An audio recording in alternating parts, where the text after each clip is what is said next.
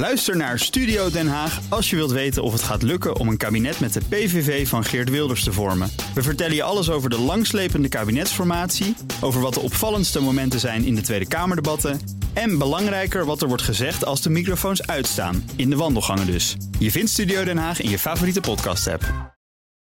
Crypto-update. We gaan eerst naar de Cryptocast, althans naar BNR's Cryptocast. Eh, althans, de man daarvan is presentator, eh, heet Herbert Blankenstein. En die praat ons nu bij. Ons programma over bitcoin en andere digitale coins. Herbert, goedemorgen. Hoi, goedemorgen Bas. De Nederlandse politie fopt cybercriminelen bij het betalen voor ransomware. Hoe, hoe dan? Nou, uh, het gaat om de ransomware Deadbolt. En de politie heeft een hele mooie schijnbeweging gemaakt. Je kunt namelijk uh, bij Bitcoin een betalingsopdracht versturen.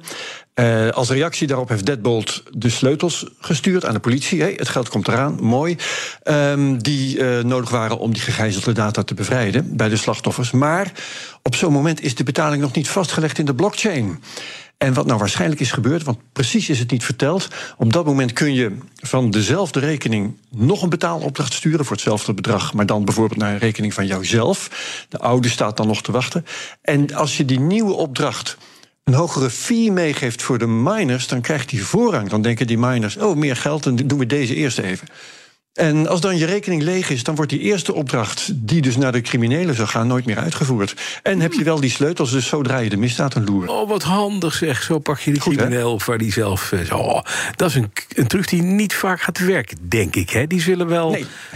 meteen wat ingebouwd hebben. Ja, nou, nou kennen ze hem, dus ja, dan gaan ze voortaan wachten op die bevestiging op de, op ja, de blockchain. Ja, He, want dan is het echt om, onomkeerbaar en uh, kun je als slachtoffer ook geen kant meer op. Ja. Dan gaan we naar de stablecoin Tether. Is niet meer gedekt door bedrijfsobligaties. Uh, dat lijkt mij best goed nieuws in ieder geval. Ja, want het wordt wel gedekt door iets anders. Uh, tether, zoals je weet, is een, een dollar-equivalent. Het bedrijf Tether zou voor elke uitgegeven Tether een dollar in kas moeten hebben. Want uh, ja, voor het geval alle bezitters van Tethers meteen tegelijk hun dollars terug willen. Um, dollars of andere dingen die snel in dollars om te zetten zijn, heeft Tether dus nodig om, uh, om uh, dat allemaal te dekken. Tether is de grootste stablecoin. Er is 68,5 miljard aan Tethers in omloop. Maar Tether is ook altijd een zorgenkindje geweest, want het was heel lang onduidelijk of dat volledige bedrag ook echt in kas was. Uh, geleidelijk aan is dat beter in orde gekomen, maar toen was nog het probleem dat een groot deel daarvan in commercial paper was, zoals ze dat noemen. Dat zijn in feite leningen aan bedrijven. En ja, die hebben als nadeel dat die niet onmiddellijk te verzilveren zijn. Dus als iedereen zijn geld terug wil, een bank run, dan uh, zit je daarmee. Hm. Nou, een jaar geleden was dat nog 30%, dat commercial paper. Dus als meer dan 70% van alle tethers tegelijk zou worden ingewisseld, had Tether een probleem. Uh, en zou uh, de munt mogelijk instorten. Maar nu heeft Tether dus bekendgemaakt, en dat is het nieuws, dat die 30% inmiddels teruggebracht is tot nul. En dat Tether nu, nu dus een nog betere bestand is tegen zo'n bankrun. Ja, want het was wel eens uh, inderdaad nog de vraag: van gaan ze het halen? Het is, is ooit kantje boord geweest. Ja, en dat was bij het debakel van Terra Luna. Hè. Uh, ook zo'n stablecoin, ja. maar die uh, zat nog gammelig in elkaar. Uh, toen had Tether het ook zwaar, want iedereen zat naar die stablecoins te kijken. Gaat het wel goed? En de marketkapitalisatie van Tether daalde toen van 83 naar 66 miljard dollar in twee maanden. Dat was van half mei tot half juli dat dat gebeurde. Dus Tether moest 17 miljard ophoesten in die tijd. En de koers is toen wel een paar cent afgeweken van de ideale 100 cent. Uh, en dat was al vrij uh, veel, was een beetje zorgelijk. Maar Tether heeft dat doorstaan. En zou nu dus nog zwaarder weer dan dat moeten kunnen hebben. Nou, dan nog uh, eventjes, bijna niemand verkoopt meer met succes NFT's. Alleen acteur Anthony Hopkins, die doet dat nog steeds. Ja, die, nou ja, die heeft dat pas een keer gedaan. Mm -hmm. Uh, en uh, ja, als je graag lachen doet over NFT's, ja. dan uh, heb je nu dus een tegenvaller. Jammer. Ja, wij doen het graag. Volgens mij, ja. ja. ja. Precies. um, Hopkins heeft een collectie geveild van duizend NFT's. Ja. En die was in zeven minuten uitverkocht. Hallo. Voor een bodemprijs van 0,8 ether per stuk. Dat is dus zo'n 1000 dollar op dit moment. Ja. Uh, en uh, Hopkins gaat dus naar huis met een opbrengst van minstens een miljoen. Maar ik denk eigenlijk waarschijnlijker een paar miljoen en dollar. Wat zijn het van, voor bijzondere uh, dingen dan? Het zijn eigenlijk allemaal portretten van Hopkins in allerlei varianten.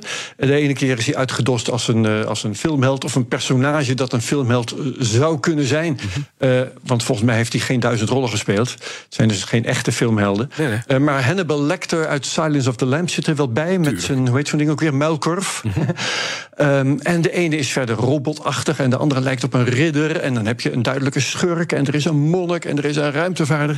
En dat dus maal duizend. Ja. En dan heb je die collectie. En die zijn allemaal als warme broodjes over de toonbank. Ja, en waarom loopt dat nou wel? Nou, als je het vergelijkt met andere NFT's die voor, voorbij hebben zien komen, denk aan Wout van Aert en Frenkie de Jong en Thierry Baudet ook, dan is het dat hier wel zorg aan is besteed. Ja. Er is een kunstenaar ingeschakeld, of misschien wel meerdere. En die hebben gezorgd voor heel rijk visueel detail. Mooi licht op die plaatjes, rijke kleuren. Het is echt fotografische kwaliteit. Dus ja, je, je kunt wel je nog altijd afvragen: wat moet je met zo'n NFT? Hè? Wat, waar is het goed Precies. voor? Waarom moet je dat hebben? Ik heb ze ook kunnen zien zonder ze te kopen. En dat kan ik vandaag ook nog. Mm -hmm. Maar ja, als je dan iets hebt wat nergens goed voor is, dan is het wel kwaliteit in dit geval die nergens goed voor is. Precies. Dan nog eventjes kort naar de CryptoCast deze week. Wat heb je? Ja, we hebben drie Bitcoin-autoriteiten die we bij elkaar kregen op de conferentie Bitcoin Amsterdam vorige week. We hebben Aaron van Wirdum van bitcoinmagazine.com, Peter Slachter van de podcast Satoshi Radio en Tuur de Meester, een econoom die vanaf het eerste uur Bitcoin al volgt. En met hun nemen we mooi even de belangrijkste Bitcoin-ontwikkelingen door, zoals de bear market, problemen van miners en het succes van het Lightning Network. Nou, dankjewel Herbert Blankenstein. Alle afleveringen van de CryptoCast te beluisteren via de BNR-app, bnr.nl of jouw lievelingspodcast-app. Crypto-update wordt mede mogelijk gemaakt door BitTonic. Al tien jaar lang de Bitcoin-autoriteit van Nederland. Ook Diana Matroos vind je in de BNR-app. Ja, inderdaad. Je kunt live naar mij luisteren tijdens de Big Five.